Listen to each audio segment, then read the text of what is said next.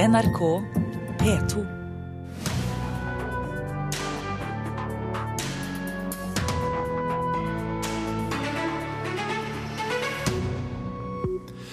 Michelin-guiden har utspilt sin rolle, mener matskribent Andreas Viestad, dagen etter Michelin drysset stjerner over norske restauranter. Kulturlivet i Egypt protesterer mot president Abdel Fattah al-Sisi. Han klages for å plage forfattere. Og hva har Taylor Swift, Maria Mena og Gud til felles? Og kanskje kattunger også, for den saks skyld? Det svarer lykkeforsker fra Universitetet i Oslo på. Begrepet hans er kamamuta, Tygg litt på det, så får du svaret på hva det er om drøye ti minutter. Og mens du tenker på det, så kan du jo prøve å gjette hvem som vant flest priser under gårsdagens Brit Awards. Vi snakker om en artist som har gjort det stort det siste året med en eh, interjeksjon. I går fikk den norske restauranten Maemo, som den første i Norden, tre stjerner i Michelin-guiden. Sekunder etterpå fikk riktignok danske Granium det samme, men uansett, den berømte gourmetguiden har utspilt sin rolle, mener kokk og matskribent Andreas Viestad. Oslo, ja. Maimo, great. Norske Maemo ble den første nordiske restauranten med tre Michelin-stjerner da årets nordiske utgave av den kjente restaurantguiden ble lansert i København i går. Espen Holmbo Bang er kjøkkensjef på Maemo. Jeg syns det er utrolig at det, kommer, det er så mye fokus på vår region. Det syns jeg er fantastisk. Man har det godt her i dag uansett om man eh, er oppvask eller på kjøkken eller uansett hvor man er. Men vi har, vi har det helt supert. Benjamin Ausland er hovmester hos Maemo. Det er en stor, stor drøm som kommer i oppfyllelse. Jubel hos restauranten Reno i Stavanger, som ble den første i Norge utenfor Oslo som fikk en stjerne i den berømte guiden. Toril Reno driver restauranten sammen med mannen sin. Dette er så stort. Dette er kjempestort for oss. Er, vi er veldig glad. Reporter i denne saken, det var Eirin Venås Sivertsen. Andreas Viestad på telefon fra langt sør på jordkloden. Du er kokk og matskribent, kjent for serien Scandinavian Cooking. Hva mener du om Michelin-guiden? Jeg mener at i går gjorde Michelin-guiden det de er aller, aller best til. De kom med en definitiv smaksdom og hentet og, og, liksom viste at Maimo er en restaurant i verdensklasse. Og de hentet fram noen andre som altså fikk stjernedryss. Og det er jo Det er derfor vi har guiden. Men allikevel så mener du at den er utdatert? Jeg mener at det er ganske vanskelig å orientere seg etter den hvis du ikke er ute etter å finne ut hva er den aller beste fine dining-restauranten i landet. Det kan de fortelle deg. Men resten er de ikke så gode på. Hva, men, hva, hva mener du når du sier resten? Det vil si, hvis du, hvis du skulle Det er ganske mange som bruker Michelin-guiden når de reiser rundt i Frankrike til å orientere seg og si hva er de beste restaurantene i landet. Og ikke bare stjernerestauranter, men også andre små nabolagsrestauranter eller restauranter i den lille landsbyen. Det har de overhodet ikke klart i forhold til Norge og Norden. Det er veldig tydelig at tipsene som de kommer med der, er litt sånn det, det samme som du ville fått i en hotell, hvilken som helst hotellresepsjon. Det er nokså intetsigende steder veldig ofte. André Blomberg Nygaard, intetsigende steder, sier Viestad her. Du er jo anmelder bl.a. i VG, matanmelder i VG. Deler du Viestads syn? Jeg tror vel at han er inne på noe i forhold til disse restaurantene som ligger litt under og er det rimeligere segmentet. Men det, de har spilt litt, lagt litt bak ballen de siste par årene. Kom veldig skjevt ut i fjor med den lanseringen sin av den nordiske guiden som ikke tok med seg store deler av Norden. Nå har de brukt tydeligvis litt mer ressurser og tatt tak i toppen og fått liksom grep om de restaurantene. Vi har jo hatt et veldig stagnert, en stagnert liste på, på de som ligger under, som guiden da kaller Bib Gourmand, som skal være gode måltider til en rimelig penge. Eh, der listen har stått veldig stille hos oss i mange år, ikke reflekterer det nivået som vi har i det segmentet i dag. Nå fikk Smalhans eh, en sånn påskjønnelse i år som den første. Så får vi håpe at de liksom får tatt tak igjen til neste år og fått gjort noe med det segmentet. For det er åpenbart den, den beste eh, guiden, eh, om, om enn ikke feilfri. Men, men du, altså de er jo veldig flinke til å skape oppmerksomhet rundt seg selv og sitt navn og sin guide, men, men er de viktige, slik du ser det? Ja, jeg tror det er, vil få store eh, økonomiske konsekvenser, iallfall på topplinjen for Maemo. Så er det jo et spørsmål om de klarer å forvalte de pengene videre nedover, sånn at de ender på den riktige siden eh, til slutt. Eh, men vi, når jeg våkner her i dag, som jeg jo også forskutterte litt i går. Når jeg her i dag, så er det som jeg sitter igjen med, at vi ble akterutseilt igjen, og Danmark og Sverige raser ifra oss. Og som totalitet for norsk eh, restaurantturisme eller matturisme, så tror jeg vi kom dårligere ut av det i dag enn vi sto i går. Andreas eh, Viestad, din eh, kollega i Aftenposten Joakim Lund skriver i avisen i dag at dette at Maemo fikk tre stjerner vel viser vel så mye en endring av Michelin-guiden som sådan. Er du enig i det? Jeg tror nok de har vært desperat på utkikk etter eh, en ny identitet. Eh, og eh, jeg syns at de har vært på en måte flinke med, med Maimo veldig tidlig i å, å, å, se talentet, se hvor utrolig dyktig den restauranten er, hvor, hvordan den er i en egen liga. For man må huske på at da Maimo ble lansert, så var det bl.a. Jeg skal ikke si hvem, som rullet eh, terningkast eh, fire i VG og spådde restauranten et relativt eh, kort løp. Der har jo eh, den autoriteten som eh, Michelin-guiden kommer med, ved at de plutselig gikk inn og ga Maimo to stjerner med en gang, det viser kraften de har. Men Eh, men, men uh, unnskyld Vista, men poenget til, uh, til Joakim Lund var jo at Michelin-guiden har forlatt, eller i hvert fall er på vei litt bort fra dette strenge franske kjøkkenet, franske måten å drive restaurant på, og gått over til mer å se de andre typer talenter som restauranter kan være.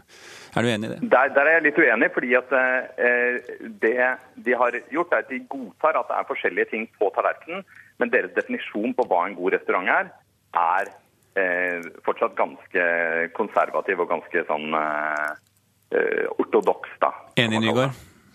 Jeg er for så vidt enig i det, samtidig som den, denne tradisjonelle, tunge franske restauranten som vi ofte hører referert, den eh, finnes nesten ikke utenfor Frankrike lenger.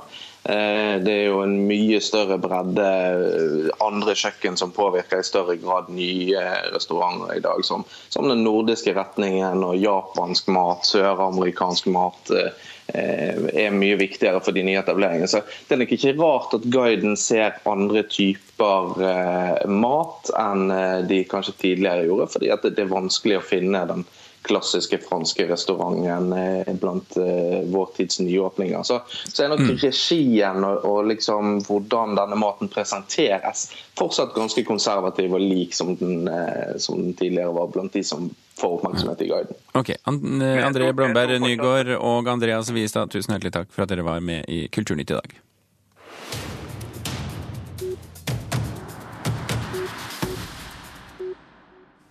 Og da har vi gjort oss ferdig med restaurantkåringer i denne omgang. Men kulturreporter Maria Pires Vaasan, Michelin var vel ikke den eneste kåringen i går? Nei, de er glad i kåringer i kulturverden, og det er sesong for den slags. I går var en ny dag og en ny prisutdeling, og det var Brit Awards som sto på plakaten. Britenes sin største musikkpris. Men ingen nordmenn fikk solt seg i glansen. De kunne, de kunne, fått solt seg i glansen? Ja, vi hadde faktisk tre priser som vi, kunne ha kalt norske hvis, det, hvis de hadde vunnet. Ja, med litt velvilje? Eh, men i hvert fall så var Ina Wroldsen Hun har skrevet og synger på sangen 'How Deep Is Your Love' av eh, Calvin Harris og Disciples. De var nominert. Den norske produsentduen Electric står bak eh, Little Mix sin låt 'Black Magic'. De var nominert. Og Stargate var med på å produsere Coldplay sitt nominerte album 'A Head Full of Dreams', som kunne blitt Album of the Year, men da ble de ikke. Eh, Den store vinneren av Brit Awards, som var nominert til fem og vant fire av de Interjeksjonsdamen. Interjeksjonsdama, hun vant eh, fire av de 13 prisene som ble delt ut. Var ikke kjempeoverraskende, kanskje. Ja, nå har alle lytterne våre sittet og, og lurt veldig på dette. Vi kan gi dem et lite hint.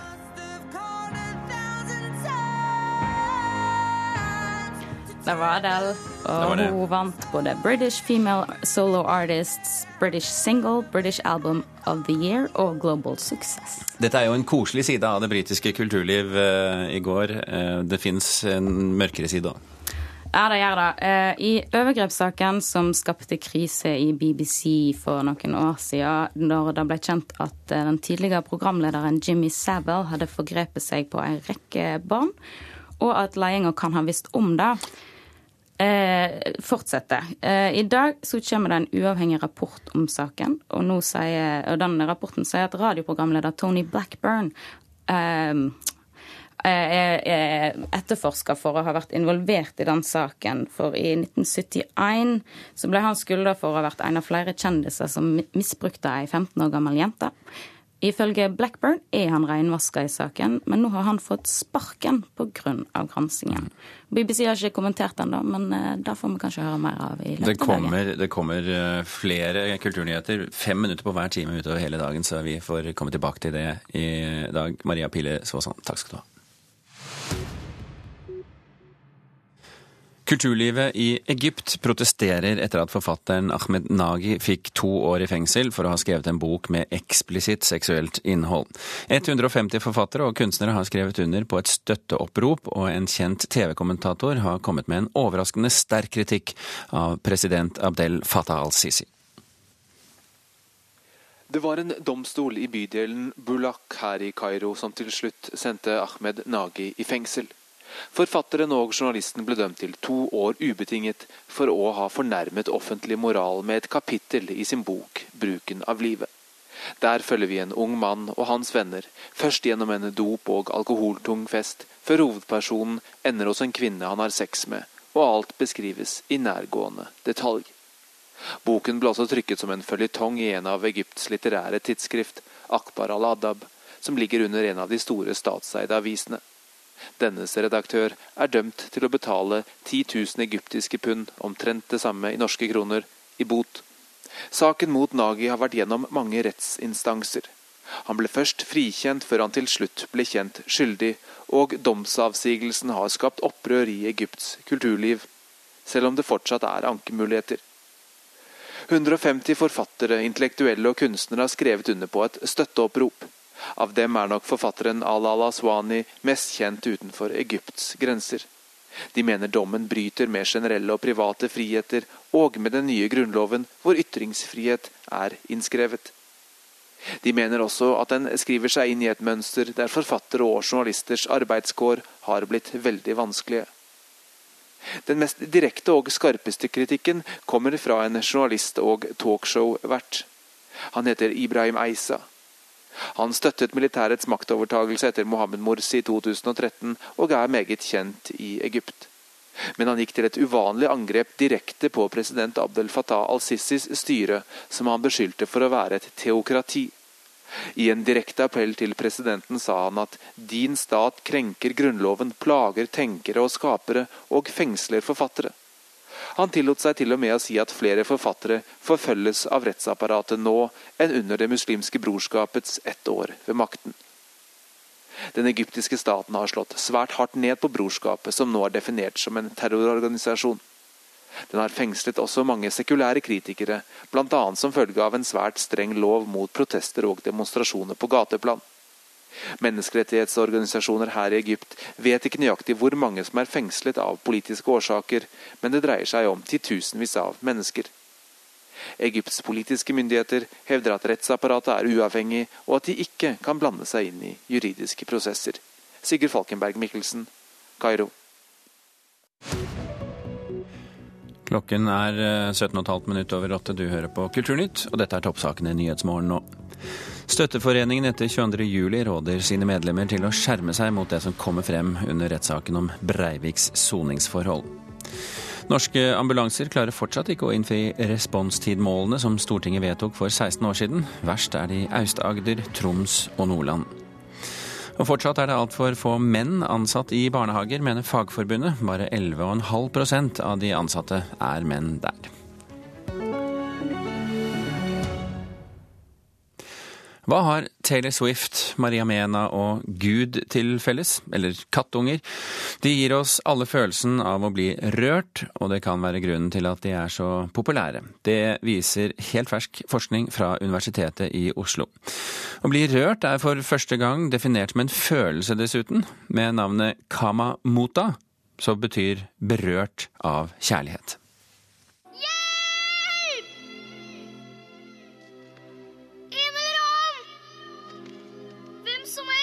Knyter det seg i brystet. Hjelp! Fikk du frysninger? I så fall opplevde du Kamamuta, kjensla av å verte rørt. Og ifølge Alan Fisk, antropologiprofessoren som forsker på kjensler på Universitetet i Oslo, er den blant de største kreftene som finnes. Well, really Ifølge forskninga er det den samme kjensla vi får av å se kattunger, gatebarn som blir jevne mat av en fremmed, Simba som mista far sin i 'Løvenes konge', opplevelsen av å være ett med Gud for religiøse, eller å få tårer i øynene når en spiller nasjonalsangen på idrettsarrangement. Oh,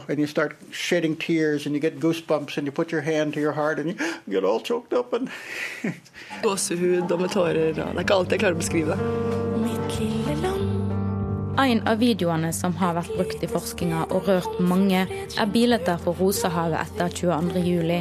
til Maria Mena som synger. Eh, og det er jo interessant at når, når noe så grusomt som 22.07 eh, var, skjer, så er det allikevel en låt som på en måte beskriver hvor stolte vi er av dette landet her. Som, som eh, eh, Hvorfor jeg kjenner at jeg blir rørt nå? jeg... Er det å gjøre folk rørt noe du tenker på når du lager musikk? Nei, men eh, jeg har en, en regel. Eh, og regelen min er at jeg ikke slutter å forske på hva og hvorfor dette føltes sånn, før jeg selv begynner å grine.